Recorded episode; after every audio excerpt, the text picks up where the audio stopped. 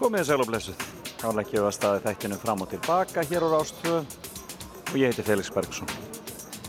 Og er stattur í aðfinnu þaðan sem ég ætla að tala til ykkar þennan morgunin. Já, ég er hér stattur í já, stöytir heimsók og í fyrsta sinn, þetta er ótrúlega borg. Ekki er hún reyn e, og margir myndu kannski segja hún væri ekkert sérstaklega falleg á köflum en sagan er hér á hverju einasta göduhotni og maður finnur fegurð í því svo sannarlega. Það er ótt að segja það og uh, oft grýpur maður andan á lofti. Ég ætla að segja ykkur aðeins betur á þessari heimsókminni hér á eftir og svona minni upplifun á aðhennu og spila svona aðeins tónlist sem að tengist Greiklandi á einhvern máta. Og svo er það Kate Bush, ég ætla að spila tónlist eftir hana hér líka eftir nýju, rifi upp söguna hennar. En við byrjum á fimmunni og við erum ekkert að tvinna við þetta, þetta er viðtal sem ég tók á þannig ég lagði að staða heimann. Hann heitir Arnar Pétursson hlaupari, stórmerkilögu karakter og mikill pælari og um, hann er alltaf mikill meistari líka og hann ætlar að koma með fimmuna sína hér eftir smástund. Við skulum bara kíla á þetta byrjum á að hlusta á Bruce Springsteen The River og svo byrjum við Arnar Pétursson að rappa og svo tek ég ykkur aftur til Greiklands eftir nýju.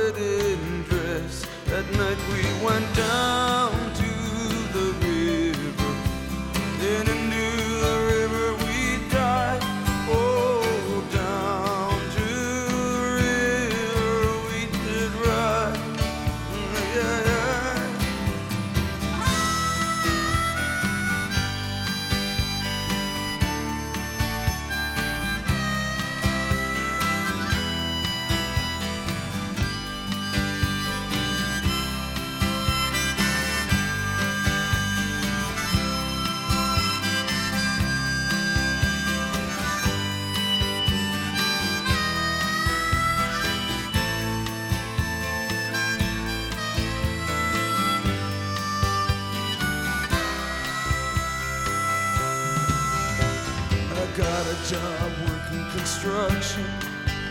We're the Johnstown Company. But lately there ain't been much work on account of the economy.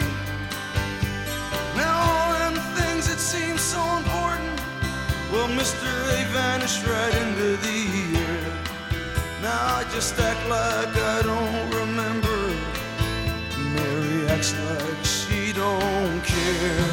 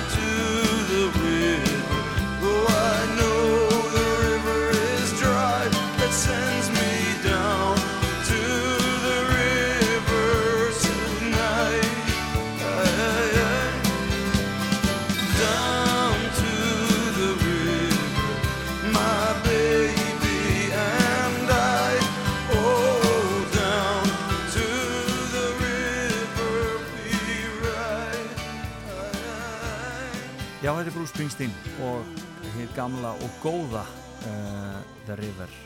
Og uh, þetta er svona lag sem ég notaði hérna í gamla daga til lægið til að fara á klósetti þegar ég var að vinna uh, og, og var einna út á stöð því að var, hann átti svo langa útgafa þess að tónleikun en það er allt önnursaga þannig að þetta er val viðmannanda meins sem er sestur hérna hjá mér. Hann heitir Arna Pétursson.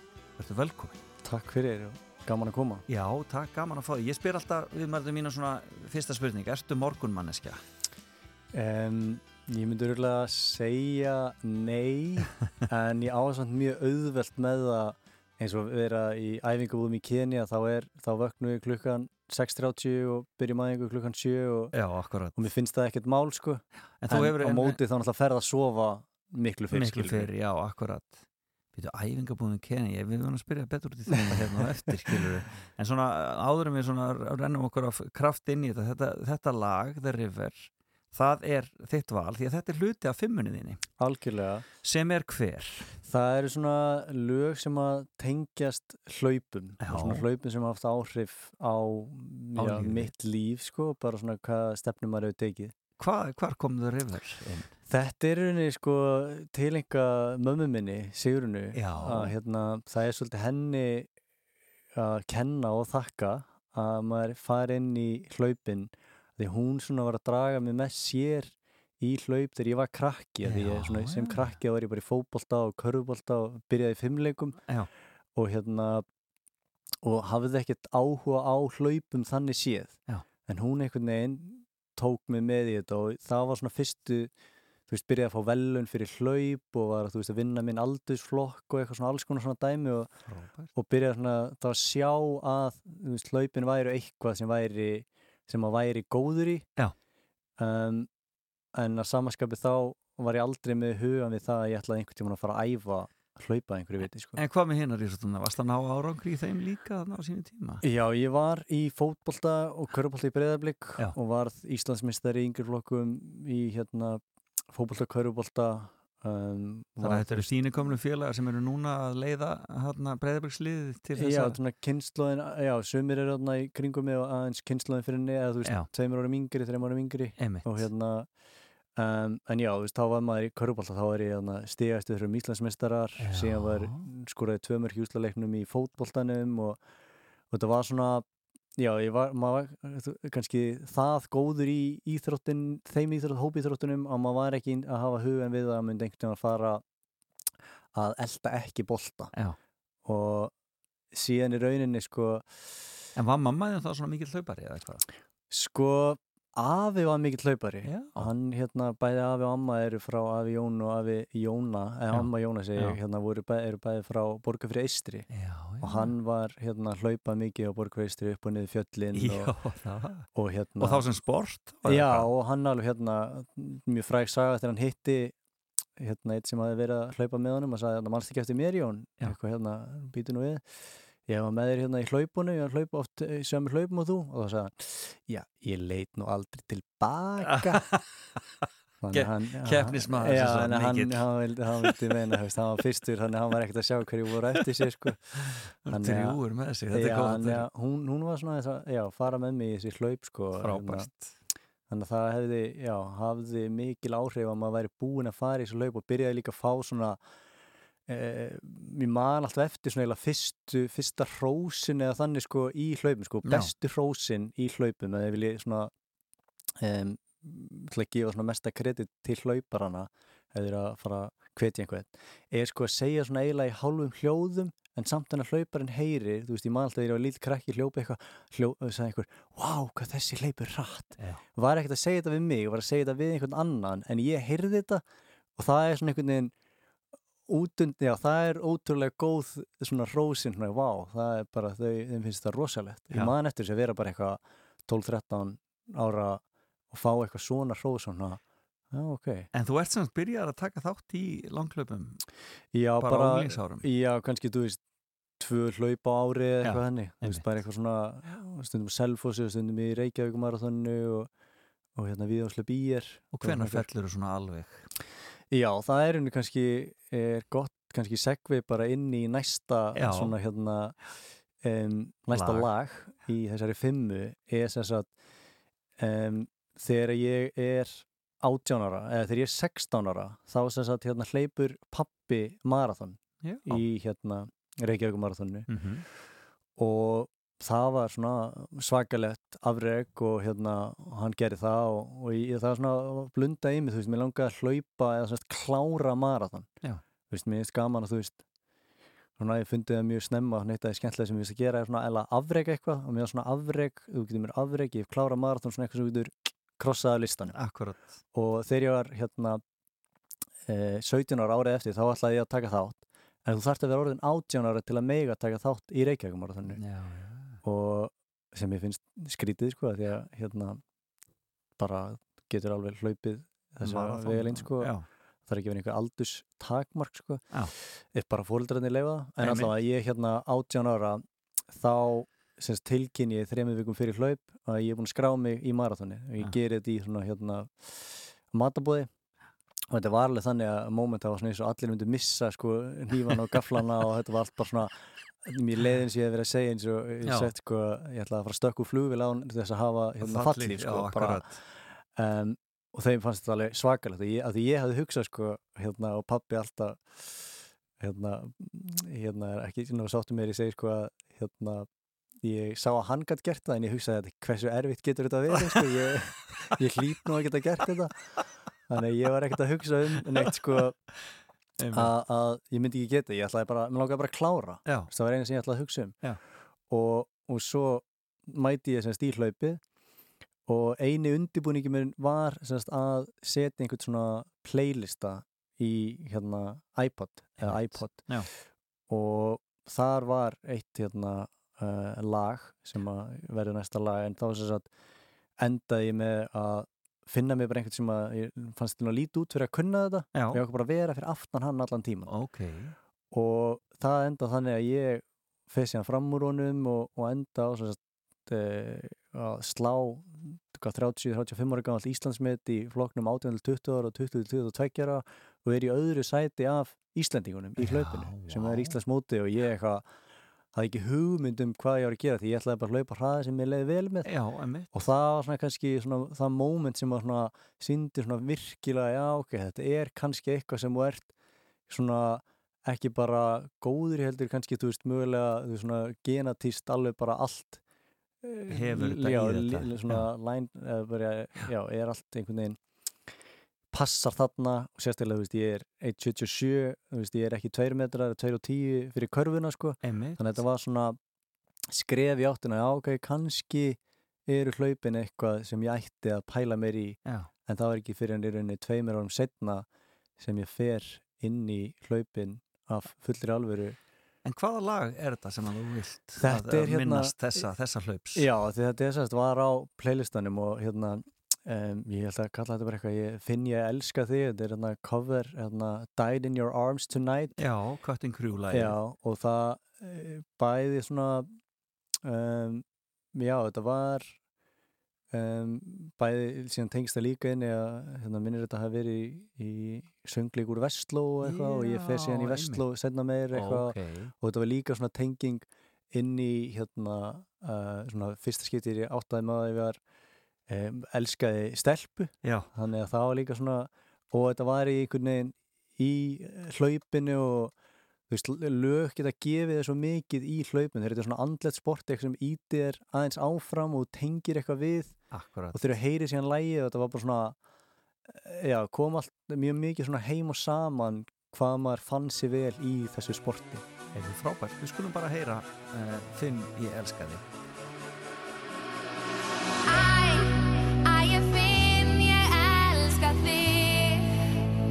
Hvað ertu búin að gera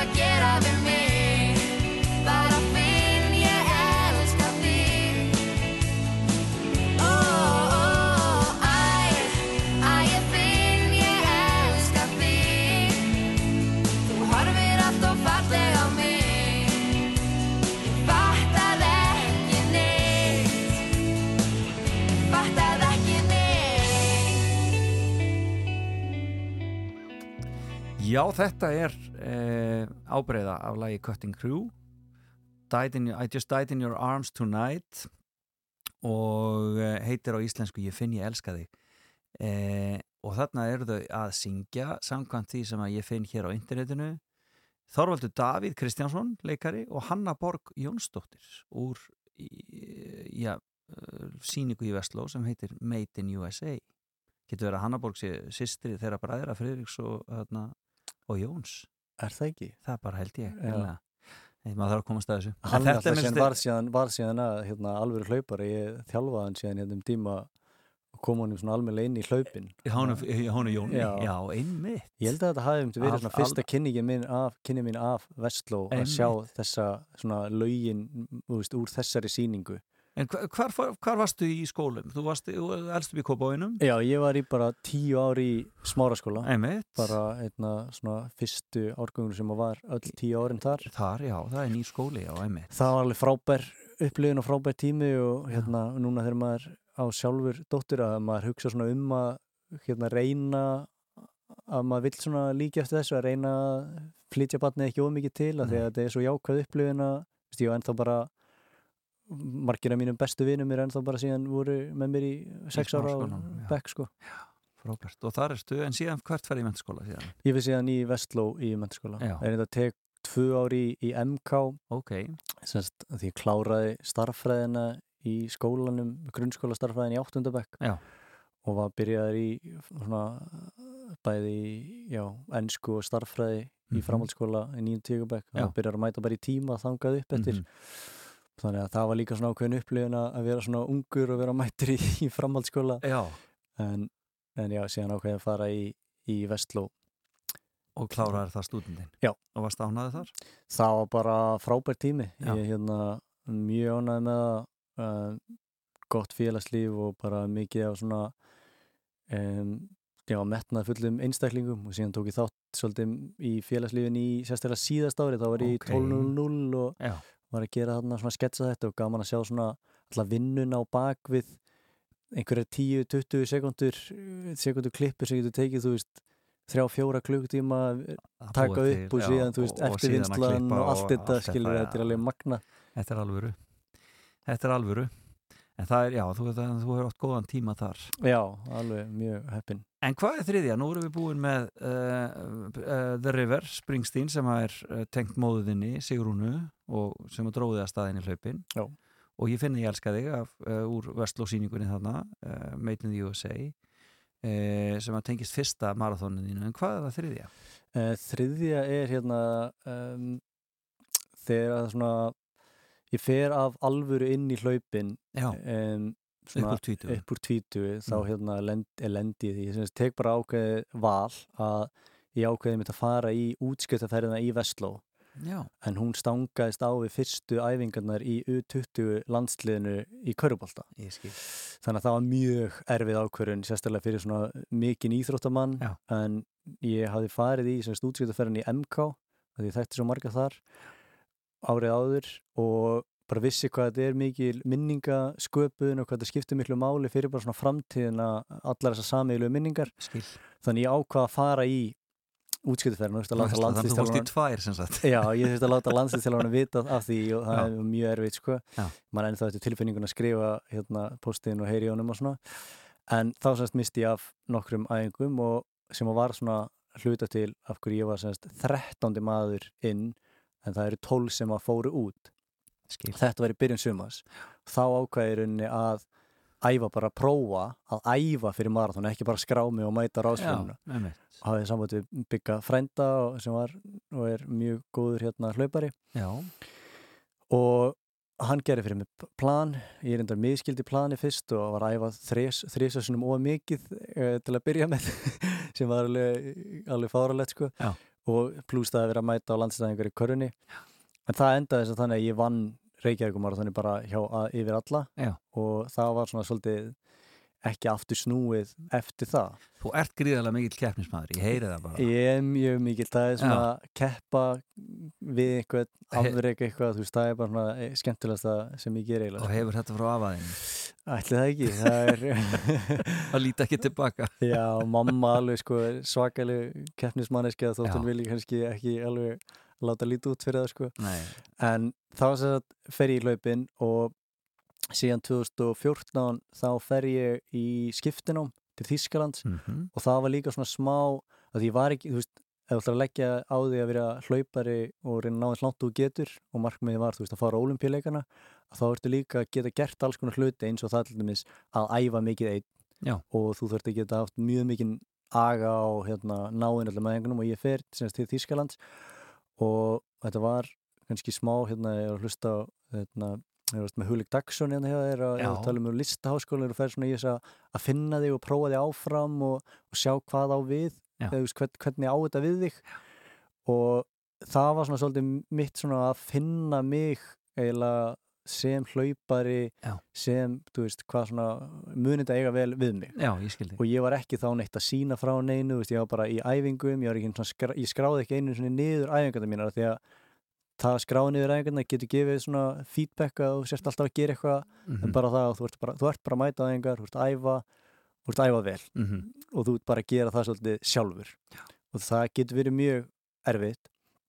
En í því ferli þá sem sagt hérna uh, er vinu minn uh, Viktor Guðmundsson í læknanámi í, í hérna Slovaki og ég ákveði að fara á heimsækjan þar og við, þú veist, við tekst frá því að bara úr kópúinum og um fótbolta og svona og vorum saman í Vestló Já. en voru kannski ekki orðnir eitthvað uh, bestu vinir, mjög close vinir en Mhm. með alltaf hérna en vorum bara mjög góði vinir Mhm. og mér maður er meðvitað um að búa til samilega minningar, það getur skipt svo miklu máli eða svona upp á hérna já, bara vináttu myndun í framtíðin og svona, Akkurat en ég ákvað ég ætla bara að fara til hans og ég hérna bóka með flug, allt klárt fer upp á flugvöllin, bara Frankfurt komin að ég var í Frankfurt í skiptin á mig Já. og svo kem ég upp á flugvöll og það hérna ég er á vitleysu flugvölli það er Það Frankfurt Hahn að ég var að, að fljúa ódýrt sko. Og Frankfurt Hahn er 100 km frá Frankfurt. Því ég var brjálað sko, akkurat. og þetta er ekki, þú veist, þegar neti var komið hérna og veist, verið með neti hvað sem er sko. Nei. En ég einhvern veginn fekk svona hudbett þetta er bara hérna Amazing Race þar sem að fólki er að ferðast um allar heiminn. Einhvern veginn kemst það alltaf á staðin Já, og ég fer bara eitthvað og fer hann að reyni að finna veist, einhverju fríu nettengingu og er í lestar hérna miða sölinni og finn sem sagt bara frá Frankfurt og í Martin Slovakíu sem er bara pínlítill bær. Og ég finn einhverjar 16 lestir 24 klukkutímar Já, og ég bara hérna, ætla að komast af því að það var, þú veist, eitthvað aðal svona kvöldið var daginn eftir og eitthvað svona og ég bara einhvern veginn legg þetta á mig 24 tíma, 16 lestir hoppandi inn og út og bara mæti á staðinn. Og þá er einmitt, þá er ég búin að senda Viktori svona, að hann er tónlistamæður og átt að senda hann eitthvað svona lög, af því ég var að hlusta mikið á þýsklu mér langaði svona, Já. bæði verið að læra þýskuna og, og hérna það, þetta kom í svona eina af svona vinsælustu þýsku lögunum, en þetta er reyndar á ennsku Já. en þá er þetta að Disco Boys for You og þegar ég kem þarna klukkan fjögur um nóttina eða eitthvað að þá stendur hann með hátalara í hurðinni Já. og þetta lag er spilar, Á spilar plasti. Já, á plasti og það sem að gerist svona í þessari ferði er að við svona báðir opnum okkur mjög mikið um svona okkar framtíða sín hvað okkur langar að gera, hann langar að vera tónlistamæður, læknir og, og ná langt í því og ég að segja hvað mér langar að gera með hlaupin og hvað mér langar að taka það langt og allt svona og við svona, að því við keirum þarna um, förum í Prag, Vín Bratislava og keirum aðeins um Evrópu, tökum svona alveg rúnt og þetta er svona, já, opnum okkur mjög mikið um svona okkar framtíða sín og við svona tengjumst mjög svona sterkum böndum að vilja ná langt og hvernig við ætlum að gera þetta og hvað við ætlum að gera og svona byrjum að svona auðfara þessu að tala hvern annan upp alveg endalist þótt að hann sé í náminni sín í Slovaki ég í Þískalandi eða Keniu eða einhverju stað í Bandaríkunum eða á Íslandi að við erum alltaf að tala hvern annan upp og þetta er svona byrjaði svolítið þarna og ég er mjög ánægður að hafa einmitt tekið þessar 24, 24 tíma lestar ævintýri á mig að því að þetta svona, já, byggði upp ótrúlega svona skemmtilega grunn og þetta lag er alltaf mjög þegar ég heyri þetta eða með þetta á hlaupaplælistanum ennþá í dag sko, þá svona fær maður alltaf mjög svona góðar minningar. Við skulum heyra Þíska diskóið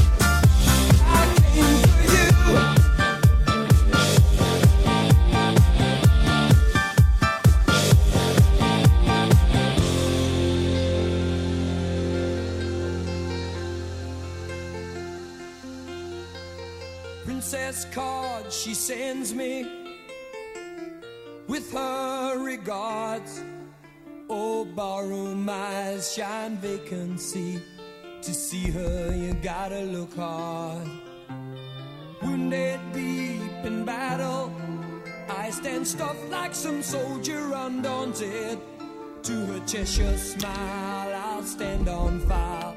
She's all I ever wanted. You let your blue walls get in the way of these facts, honey. Get your carpetbaggers off my back. Go give me time to cover my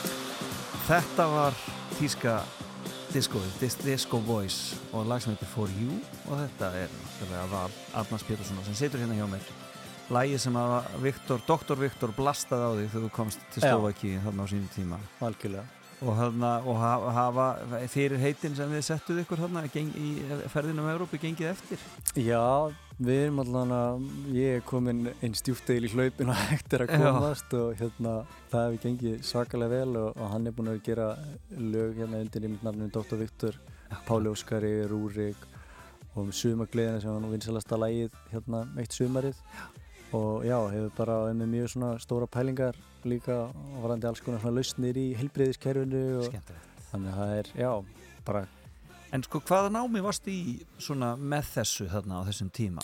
Já, ég, þú veist, já, það er svona skemmtilega mitt, það er skemmtilega sem við skerum örgulega, afrega eitthvað og svona læra eitthvað Já. nýtt og ég hef alveg verið mjög svona, um, já, grimmur í að uh, afla mér hvað þekkingar í, hérna, á, á skólabekk, Mhm. en ég fór sérst, kláraði grunn í hagfræði í HÍ, Já. tek síðan hérna bæði skiptin á mig í Köln og Frankfurt og en ég tek sérst master í fjármálu fyrirtækja Ok. og master í endur sko reikniskilum og svo er líka með master í hérna kennsturhjöndum fyrir framhaldsskóla. Já, þannig að ég ofta grínast með ég sem er þessar fjórar já en vantar samt að setja sko fimm en, en ég meina sko eiginlega fimmt að segja því að síðan meðfram þess að maður er búin að vera grúska og lesa, tala við prófa sjálfur á sér allt sem tengist hlaupunum og all lífælisfræðin á bakvið það og Það er engar háskóla gráður þar þú getur náttúrulega fara í íþróttafræði og eitthvað svona en þá er það svo ótrúlega vítt.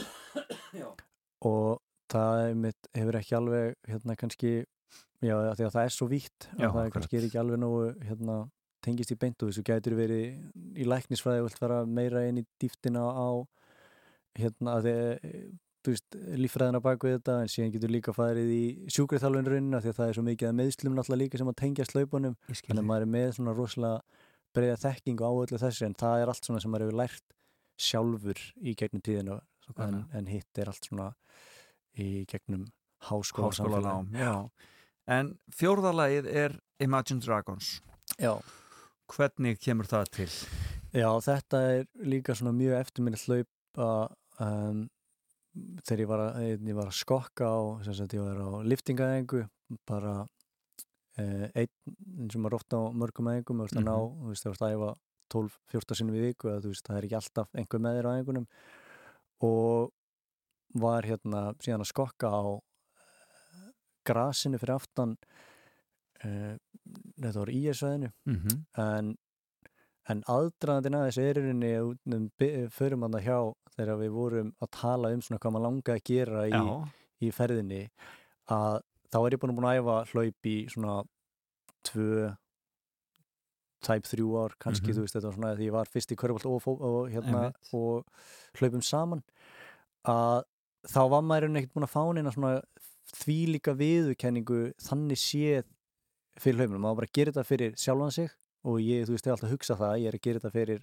sjálfa mig. Mm maður er ekki að gera þetta fyrir svona utanakomandi einhverja viðurkenningu þannig. En þarna var ég þetta var 2017 og búin að vera þá, þú veist að leggja þvílíkt á mig uh, vinna alls konar hluti um, var, ég, var nýfaldur Íslandsmeistar á því ári og já, var bara svona að halda áfram í mínu en en það svona já, þá fekk ég segast tilkynningu um að ég hefði verið valinn mikilvægasti frjálsýráttamæður ársins sem var svona, svona fyrsta svona alvöru eh, utan að komandi svona viðkenningin eins og fara á frjálsýráttasambandinu Já. um, og ég svona einhvern veginn, ég held að þetta myndi ekkert eitthvað skipta mig það miklu máli en ég einhvern veginn fekk að vita þetta og ég síðan er einhvern veginn bara finnst þetta æðislegt og ég bara mm. upplifi bara þvílíkt svona þvílíka gleði tilfinning og bara er hann eitthvað að skokka og þú veist, þú veist, svona að hlaupa og síðan færi svona auka velliðuna tilfinningu einhvern veginn og þú veist, mann er svona líður svona eins og þú sért að svífa bara einhvern veginn um. Já. og þá var ég hérna einmitt ekki með hérna bara öll lög í heiminu minna og ég var bara með einhvern mjög basic síma. Já, og ég hérna bara setja á útvarpið og er með bara eirunum og þá kemur akkurat þetta lag á hérna, er akkurat í spilun í útvarpinu. Og það er einhvern veginn lifti manni svona já, hætti þeirra svona svífa og bara flýgur um sko, það var alveg æðislega tilfinning og mér fannst svona kannski að maður stundum ég veit að ekki er kannski að berjast við að að því að maður var ekki búin að fá utan að komandi viðurkenningu að þá var maður að að segja sjálfum með sér að skipti sig engu máli. Já. En svo fekstu utan að koma viðurkenningu auðvitað er það ótrúlega gaman að fá viðurkenningu að hei, þú veist það sem maður ert að gera er Já. alveg allt í virði. gott sko Já. og akkurat. þú veist þótt að skipti ekki öllu máli en þá er alveg hérna þá er, þú veist, þá skiptir alveg máli og manni finnst það gaman og hérna um, já, en það var mjög eftirminnilegt svona augnablík að setja þetta akkurat í og kemur akkurat lag top of the, on, on Já. top of the world top of the world, Og- á grasinu og ég er verðinu Já, tengist einmitt við, þú veist, það er alls konar svona línur í, í textanum eitthvað, þú veist, er búin að vera að leggja einn vinnuna endalaust og svo lagst eftir að að fá uppskýruna og þetta tengist einhvern veginn allt inn í, sko, þannig að það var mjög gaman. Skulum heyra Imagine Dragons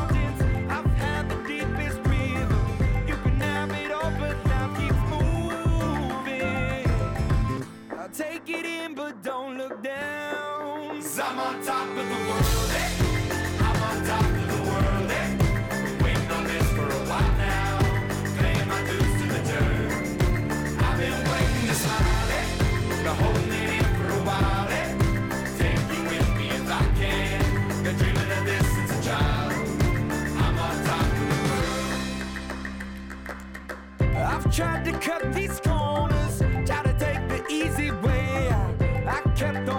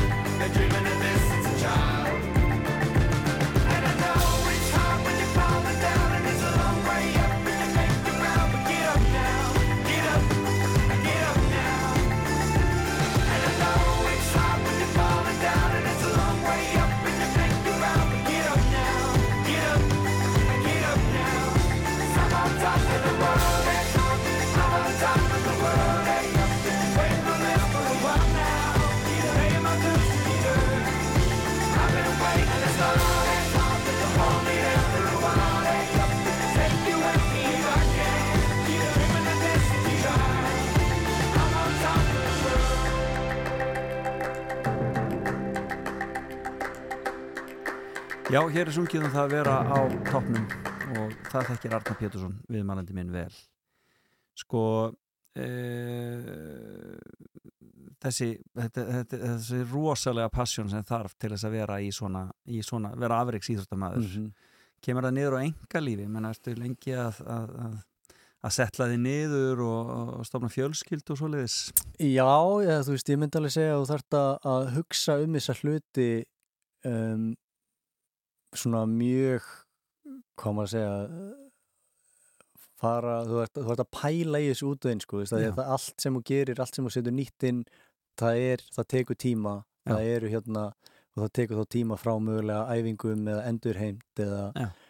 eða alls konar hluti, þannig að þú þarft að hugsa alltaf vel um það og það er alveg hérna bara, ég minn eins og fyrir konur sérstaklega eignast börn, þetta er náttúrulega svakaleg hérna, skuldbinding upp á íþróttaferilinn að gera því þú náttúrulega setja líkamannin undir Akkúrat, það sko, veist aldrei hvað kemur út úr því Algjörlega. þannig að það er ennþá erfiðara fyrir konur en fyrir mig, þú veist, þá var maður mjög mikið svona mjög varkár í öllu Já. svona hérna að, já, eignast kærustur eða binda sér niður og snemma því Já. maður var mjög fókusaður á bæði hlaup og nám og svona og vildi halda rosalega mikið í frelsi sko en það hérna það kemur kannski inn á einmitt, þú veist, e, loka lægi sko að um, ég er sér satt í fyrir hvað rúmið þreymur ári eða tveimur og hálfum ári, ári síðan þá hérna uh, byrja ég með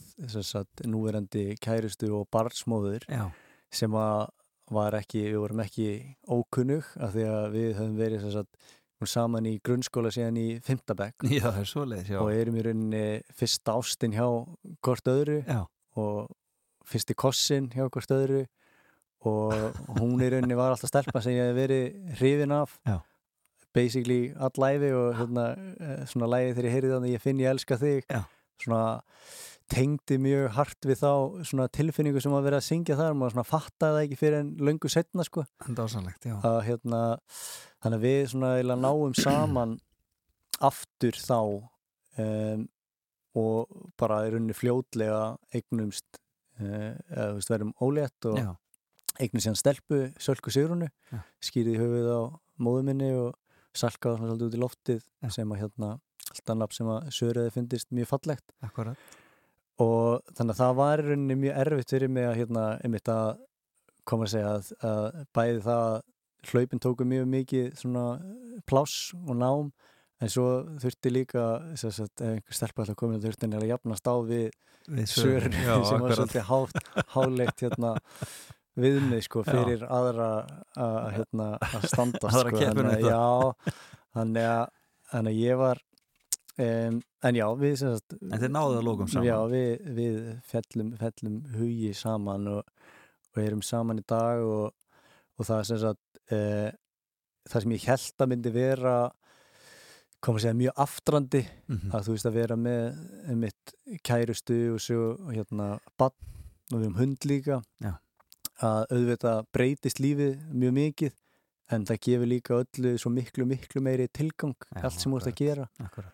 Og, og þetta lag er svona já, lag sem að tengist eh, bæði tengi mjög bara mikið einhvern veginn við, ég veit ekki tilfinninguna í því partur í laginu er svona smá ef að um, ég veit ekki, ef að allt myndi ekki ganga upp Já. að það væri, hvað væri í rauninni erfitt Já. sem er líka svona smá eins og The River það er með svona svolítið um brosna drauma að þú veist mun eftir líka þú veist þessu þakklæti Já. að Akkurat. þú ert að fá að eldast við draumana, þú ert að fá að vera í góði sambandi og ala upp eh, barn og eitthvað, þú veist, það er alveg hérna já, mjög mikil mikil forréttindi í því, sko Sannlega. og hérna, En, en Sara hefur ekki verið í hlaupunum með þér og eða hafið ekki nei, hún þarf alltaf að svara þessari spurningu aftur, aftur, aftur En hún var ekkert í því.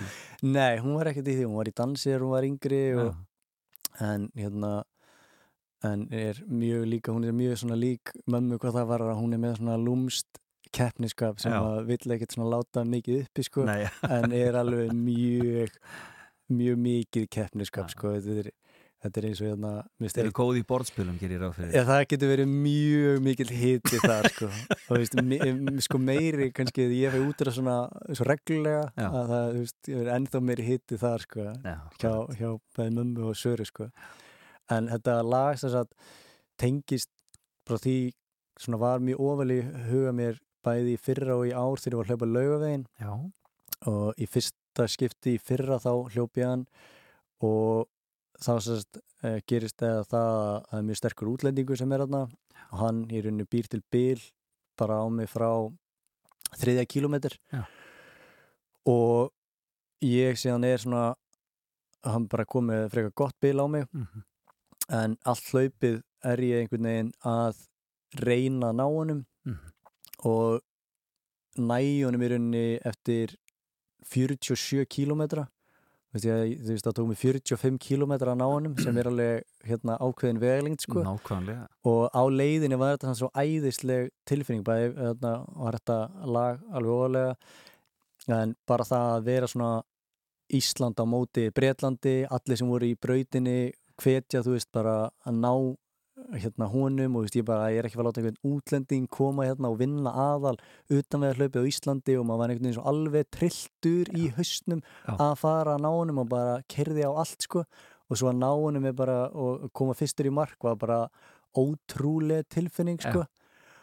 En að samaskapi af því að þá í fyrra þá var bara salka tildulega nýfætt sko Já. og fæðist í massa eftir júli og þannig að þau voru ekki í markinu og ég var reyndar plani var semst, ég fór beint eftir hlaupið þurfti að redda mér niður á hérna, Seljansfossa þegar þar beði bíl og ég var að fara beint í brúðkaup og kirkjubögklustir en ég mætti beint í brúðkaup eftir að hlaupa lögin sem bara alveg fáranlegt sko.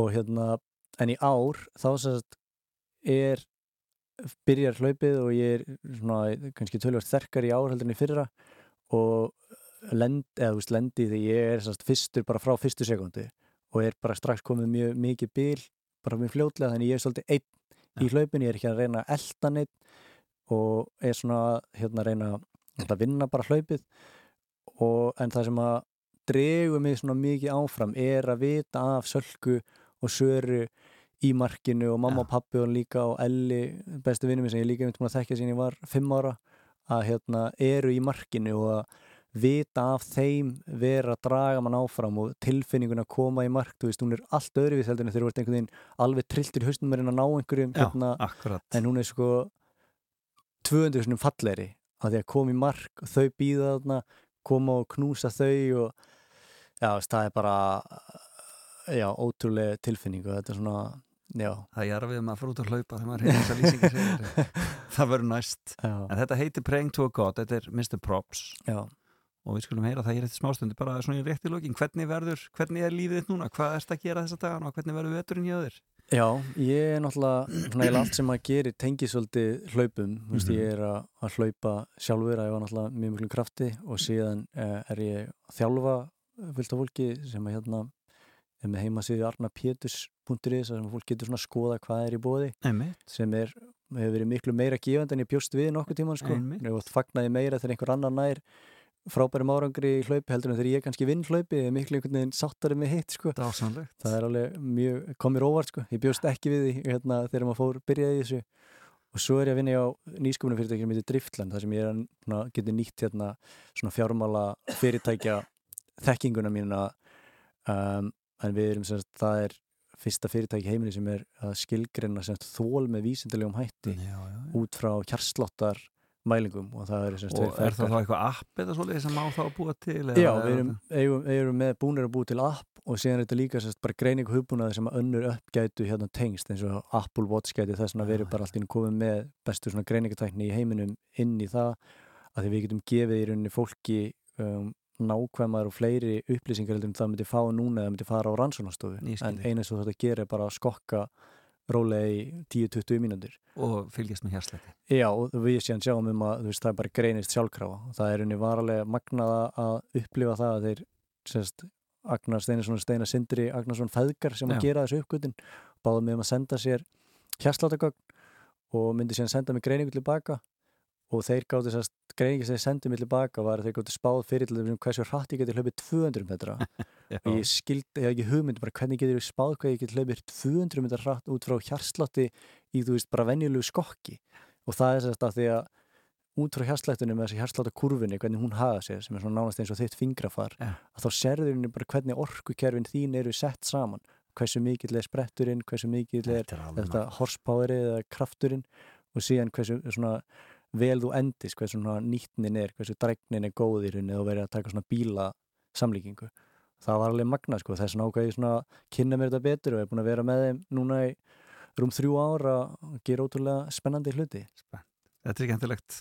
Það er greinilega ekki lokmóla í kringu þig, Arnan Pétursson. Nei, það er nú að gera Við skulum enda þetta á Mr. Props kæra. Heyrðu, já, ég glemdi, Kenya. Hvað var með Kenya? Já, Við ég, megum ekki sleppa nei, því. ok, við skulum taka kynja það er, hérna, það er svona þessi já, bæði það sem að mannkinni kemur en það er líka það sem allir eiginlega bestu hlauparar í heiminum koma. Já, og það er íten í Kenny ég farið þarna þrísa sinnum í æfingabúður í dálítið 2400 metra hæð. Já.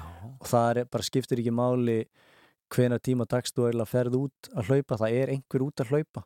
Það er ótrúlegt þegar við verum veginn að fara að keira eitthvað og við verum mætt fjögur kolniða myrkri, þá er bara einhver tíu manna grúpa sem var Að hlaupa. þannig að maður bara eitthvað, ha, klukkan fjö þannig að það er já, bæði sko er mikil hérna getur verið mikla framfæri í því að svona vera í þunna loftinu og, og láta blóði framlega frey, fleiri rauð blóðkorn til að flytja súrefni Mhm. en líka bara andin sem þú færið að sjá þetta og fylgjast með þessu hlaupa samfélagi og öllum þessum ótrúlegu hlaupurum er já, bara forréttindi Geggjað, hljómar vel. Kæra þakki fyrir komuna í framhund tilbaka, Arnan Pétursson. Takk fyrir mig Her faith is dying, the tears are sign she's going off track.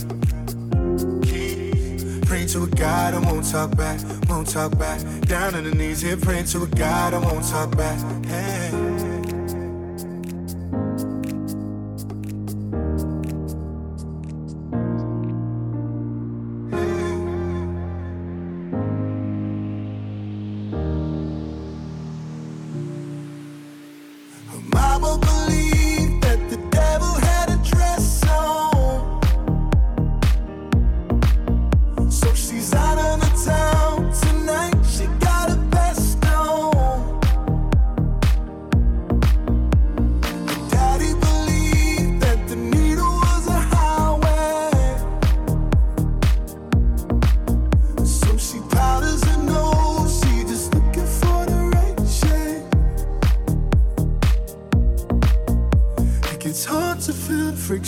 Underwater. She's breaking down, tearing at the borders. And too deep to save herself, she takes a pill that seems to help. Close her eyes and picture standing at the altar. She's praying to a God and won't talk back. Her faith is dying, the tears are sign she's going off track. To a God I won't talk back, won't talk back. Down on the knees here, praying to a God I won't talk back. Hey.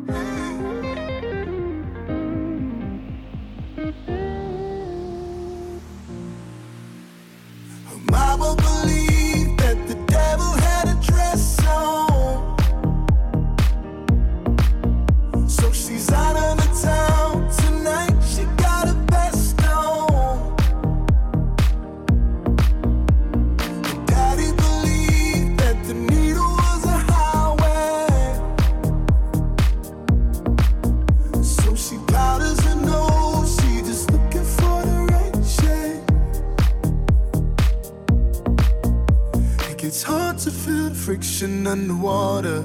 And she's breaking down, tearing at the borders. And too deep to save herself, she takes a pill that seems to help.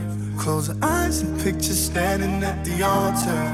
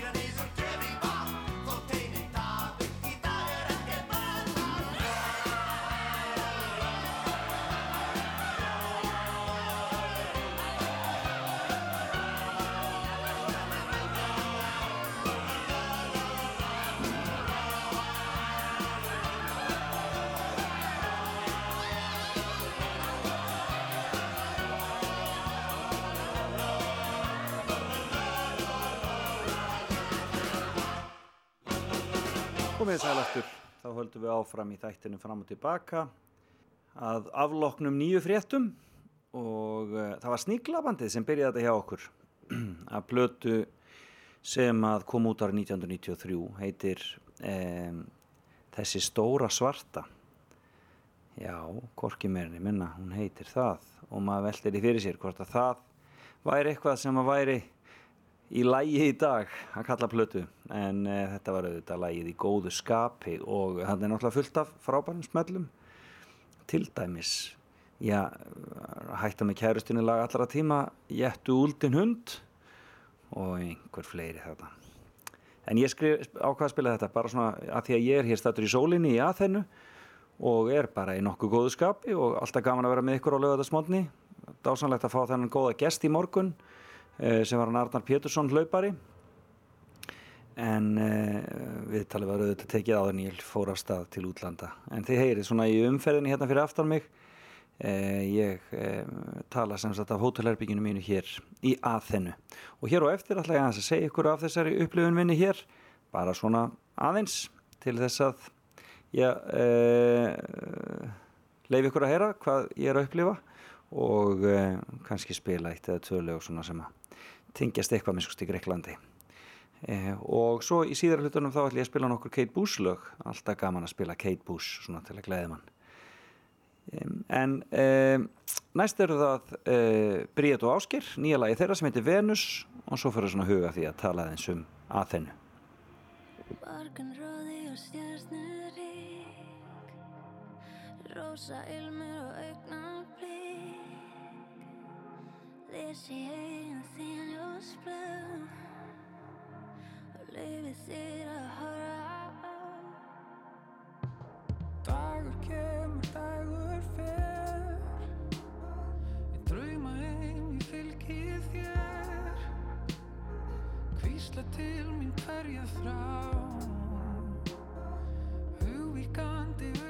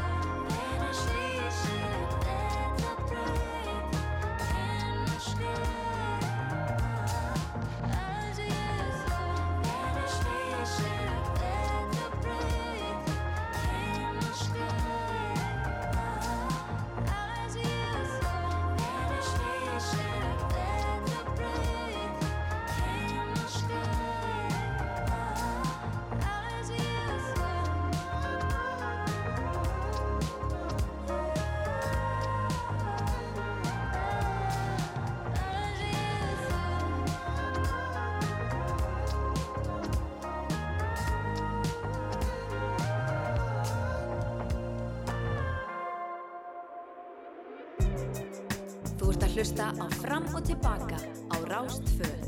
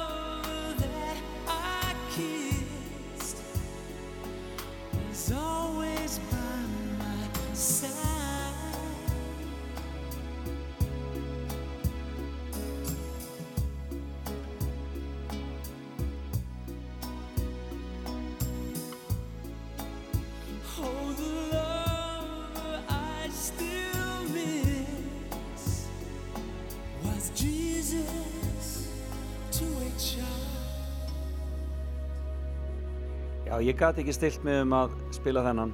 George Michael og, og uh, Jesus to a Child.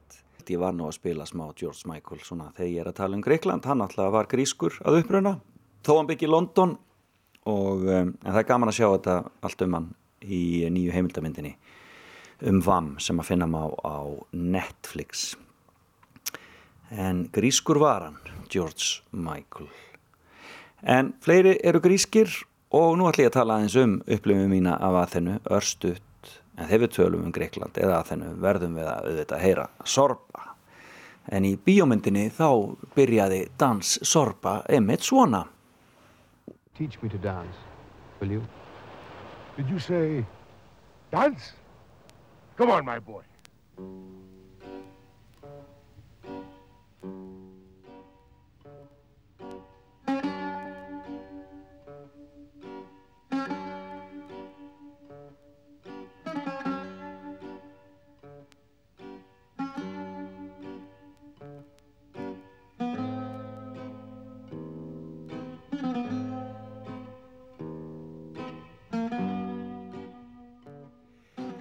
Já, eru þið byrjuð að dansa? Já, já, nógum það. En ég kom hingað uh, til aðþennu fyrir nokkrum dögum síðan, uh, flöginn að kvöldi, sá ljósinn og borgina svona bara, það var, það var mjög mikið myrkur þannig að það sást bara svona ljósinn, en maður fann samt fyrir hæðunum hér í kring og hafinu auðvitað og eigunum hér fyrir utan. Um, við vonum konur inn í borgina svona, já, svona um tíu leituðum kvöld og uh, þá yðaði borgin. Enda fara menn hér að borða og konur og allir að borða það uh, seint að kvöldi upp úr tíu og sitja lengi. Og um, þetta mun vera vegna þess að það verður svo ansi heitt hér á sömurinn að gríkir bara treysta sér ekki út fyrir svona seint. Og þetta verður bara að, að venju. En fyrir vikið munið er vist borða lítinn morgunmat því að þeir þurfa ekki á honum að halda eftir átið kvöldið áður. Stefnan hjá mér og ferðarfélögum var að taka uh, eina svona góða frítægin sem áttum hér og sigla, sigla út í Hædra sem er eiga hér fyrir utan og vist að vera mjög falleg. En þá tóku sjóman upp á því að fara í 24 tíma verkvall vegna öryggismála en einhver farþegi hafði dáið á einni ferjunni þannig að dagurinn fór fyrir lítið og í staðinn þá tókum við dag á Akrapolis. E, Akrapolis hæðinni og Akrapolis safninu. Og ég verð nú að segja þó að ég hafi gert það í öfuru þá mæl ég með því að fara fyrst á safnið sem er algjörlega stórkostlegt og útskýrir söguna mjög vel. Og það sem að stendur náttúrulega með svolítið eftir það er að velta fyrir sér hvers vegna í ósköpunum British Museum er ekki búið að skila öllum þessum munum sem að brettar stálu hér í aðþennu. Það er önnur saga, en það er stórkoslega að fara þarna á safnið og fara síðan á hæðina og skoða hófin sem standa þar öll. Agrapolis er sem sagt hæðin og upp á henni standa hófin. Saga Agrapolis er saga aðþennu og það er magnað að sjá hvernig þessi hæð byggðist, það er sínt mjög vel á safninu. E, Borgaríkið Aþena e, var náttúrulega e, ótrúlega magnaðu staður. Hér voru náttúrulega stöðug stríð og hér réðu einhvern veginn allir á einhverjum tímapunkti. Hver sem að, já, hvern sem, hvaða, hvaða menningarstefni sem talaður um, allir hafa einhvern tíma komið við í Aþenu. Og hér er vakka vestræðna menningar og allt okkar líf í dag byggir á þeirri menningu, hugmyndum þeirra um heimsbyggi til dæmis já, listir og líðræði en talandum Akrapolis þá er hápunkturinn á Akrapolis eða Magnaða Meijarhof eða Partheon á því lík bygging og því lík hörmung að það hafi verið eðilegt eins og sagan sínir og munum þaðan stólið í massavís. Öfgar mann sem svo rosalega. Síðasta sprengingin verður um, þegar að ottomannar riði hér. Þá var, voru sendar sprengjur á Akrapolis og náttúrulega náða að sprengja upp Parthenon. Og við erum svo villus mannkynnið en eh, hofið samt svona er, hefur verið aðeins endurreist og það er rosalega gaman að sjá þetta og gefur manni góða eh, góða insýn inn í hvernig þetta var og svo þetta styrkir safnið þetta mikið. Það eru fleiri hofið þarna en mér fannst eiginlega skemmtilegast að sjá heit helga ólífutré sem vex á Akrapolis og er miðpuntur og einhvern máta í fegurð sinni og einfaldleika. Þetta er nú öruglega ekki upprunalega tréð sem að Aþena sem óksa sem Aþena setti niður stafsinn en fallegt er það ólífutréð á Akrapolis. E, Gullöld borgaríkisins aðþennu var á 50 öld fyrir Krist og það var Perikles sem stóð til dæmis fyrir byggingu Partheon. Og e, byggingin var ákveðin með líðræðisleiri kostningu Karla og tók ótrúlega stuttan tíma í byggingu. Ég heyrði töluna 13 ár sem er ótrúlegt en ég sel nú ekki það, selða nú ekki dýrar en ég kifti e, Rómverjar taka svo við ottomanar miklu síðar En Greikland verður ekki til sem sjálfstætt ríki fyrir 1821 og verður svo líðræðisríki árið 1975. Mögnuð saga. Og um að gera að kynna sér hann og hún er náttúrulega hér á hverju götuhotni þannig að það er bara alveg ótrúlegt sem maður getur lært. Og talandi um hvert götuhot þá fór ég líka í hjólatúrum borgin og get mælt með honum einn dreigið. Það vísur daldi flóki því að það er engir hjólastígar í e, aðhennu já, einn, við fundum einn en hann er, en hann, við þurfum að deila honum hjólriða fólk með, með gangandi vegfærendum, þetta er alveg ótrúlegt. En það hjálpar manni samt að fara á hjólinu aðeins hraðarum og sjá svona hvernig og skilja betur hvernig borgin liggur. Um, leiðsögumæður sem fór með okkur í hjólriðatúrin hann sagði að þrýr dagar í aðþennu væri nóg. Svo ætti maður að koma sér á eigarnar eða ströndina. Hann res, hann Dimitris uh, og uh, já, leit svolítið út eins og grískur guð með mikið hár og mikið skegg. En daldið ljósærður, það kom kom skemmtilega óvart. Annars eru samgöngumálin hér í Aþenu alveg sér kapitúli út af fyrir sig. Aþena er gott dæmi um hörmungarna sem fylgja því þegar enga bílinn verður aðal samgöngutækið og ég bara fullir þetta en segi ekki meir um það því þið upplýðu það bara þegar þið komið hinga til Aþenu. Niðurstaðan, eh, maturinn fólkið sagan og borgin allt hjálpast þetta til að gera magnaðan koktel sem ég hefði alls ekki viljað missa af, hingað og ég eftir að koma aftur og ég hvet ykkur öll ef þið eða möguleika heimsækið að þennu. Og ég mæli líka með að gera það í september. Hér er hitin mjög þórlanlegur í augnablikinu, það er heitt en það er ekki óbærilegt. Og ég held að þetta bílflaut slái góðan punkt í þetta. Við skulum heyra gafalt Eurovision-lag eða frá 2013 fællega skemmtilegt band sem heitir Kosa Mostra og Akathon Jakavitis og lag sem heitir Alcohol is free. Ég hef bara.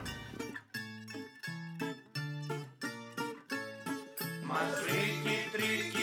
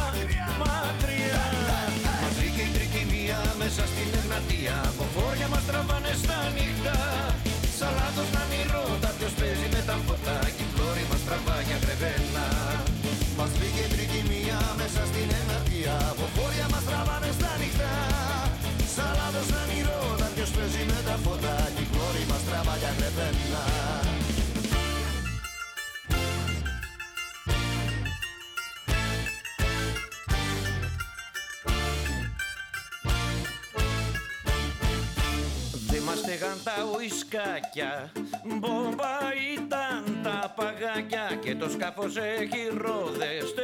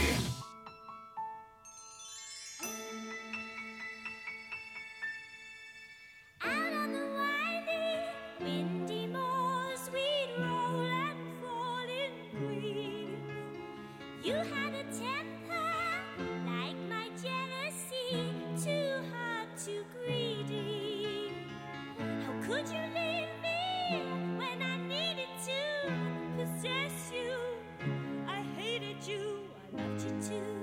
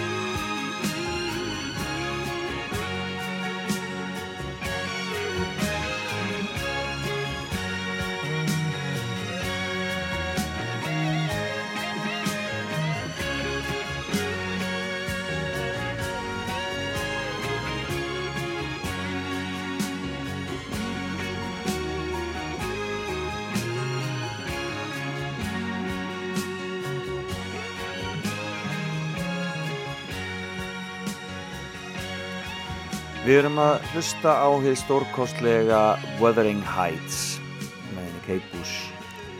Og um, já, mér langaði svona að spila nokkur Kate Bush lög svona bara í tilefni af einhver bara, mér finnst hún svo skemmtileg. Bara komin tími til að heyra smá Kate Bush. En hún er uh, af írskum og ennskum uppruna ólst upp uh, í Englandi á, í Kent. Og um, átti svona listræna fóreldra uh, pappinar læknir sem spilaði piano og móðurinnar hjókunarfræðingur uh, var dansari frá Írlandi svona, svona, svona lært þjóðdansa. Uh, Kate Littla uh, læriði á fiðlu og piano uh, og var byrjað að semja lög svona 13-14 ára og samti og samti og samti og samti og samti og fjölskyldan var að senda þessi lög eh, svona hitt og hingað og þangað en ekkert gekk þangað til þetta komst í hendur á vini fjölskyldunar vini fjölskyldunar sem var engin annar en gítarleikari Pink Floyd David Gilmour.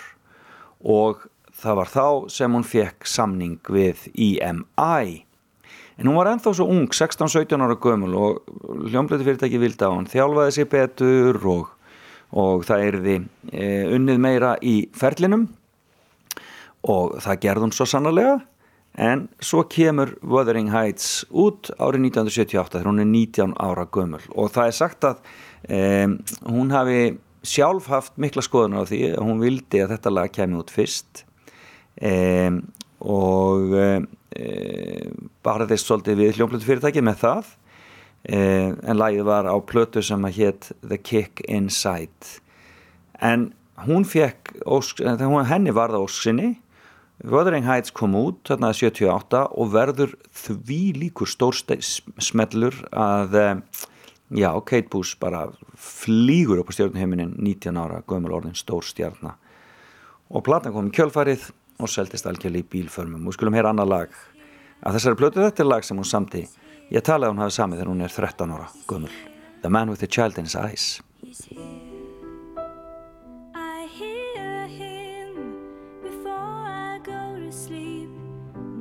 was on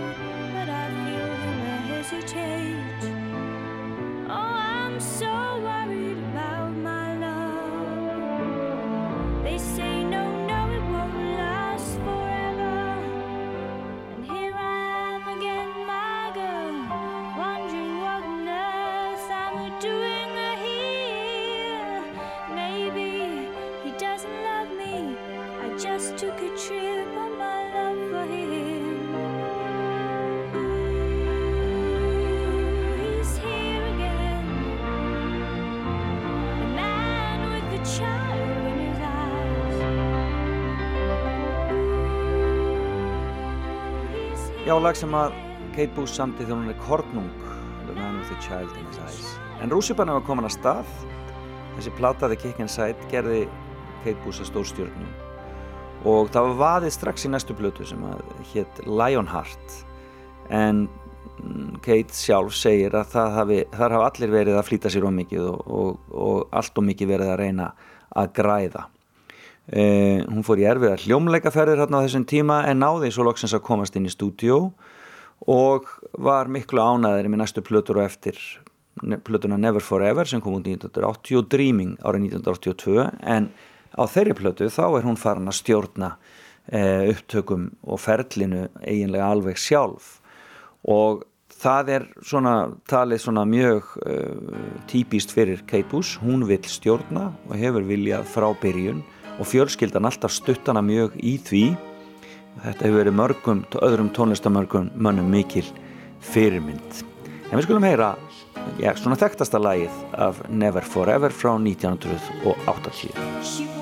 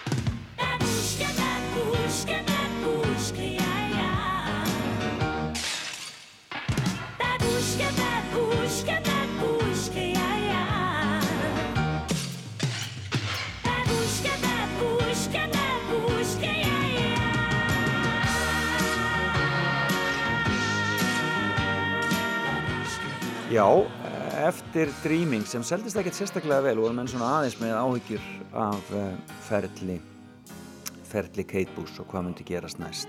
Þetta var svona ekki alveg að ganga eins vel og menn höfðu vonað. En þau hjá EMI ger ég ráð fyrir. En þá kom platan sem að uh, átti eftir að gera allt vitlaust. Hounds of Love kom árið 1985 og það var þá sem að Ameríka tók fyrst við sér, eða Bandaríkin. Og um, við heyrum nú þekktasta lagið að þeirri plötu hér í lokin.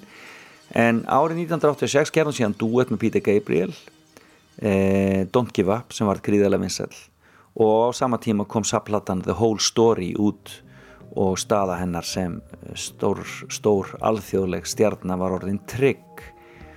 Eh, náttúrulega stórkoslu listamæður þannig að það þurfti ekkert meir en það. En ef við ekki bara heyra Don't Give Up en við skustu hluta því In this proud land we grew up strong.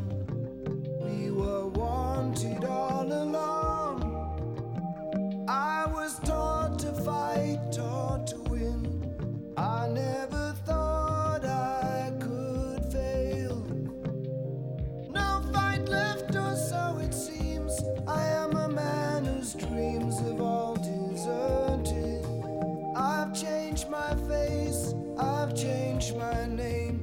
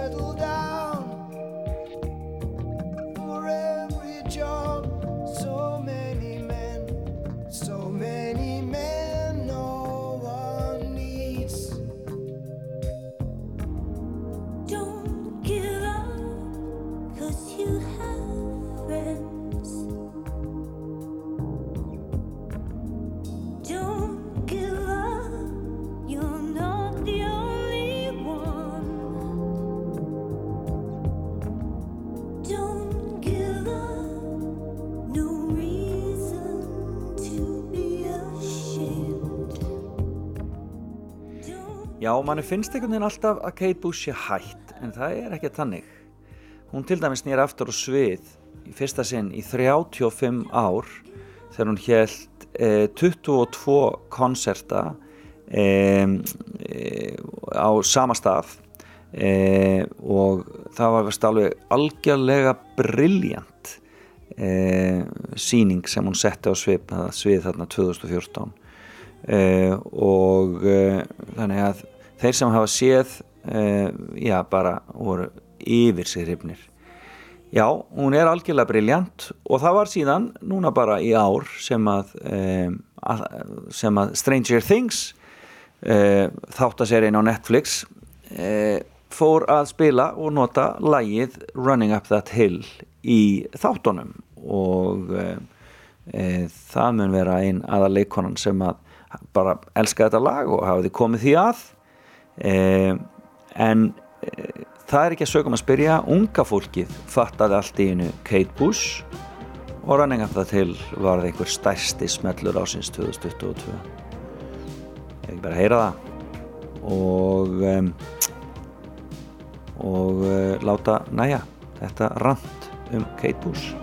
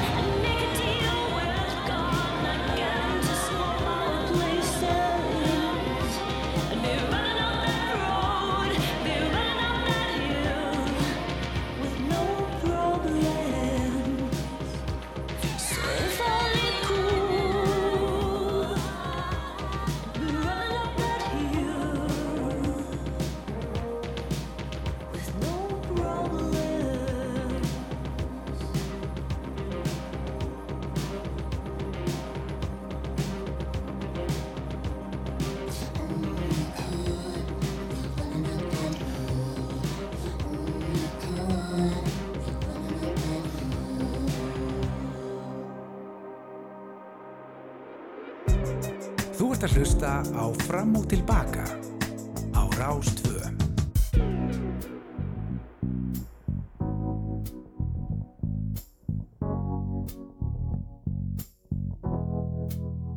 Knew the signs wasn't right. I was stupid for a while, swept away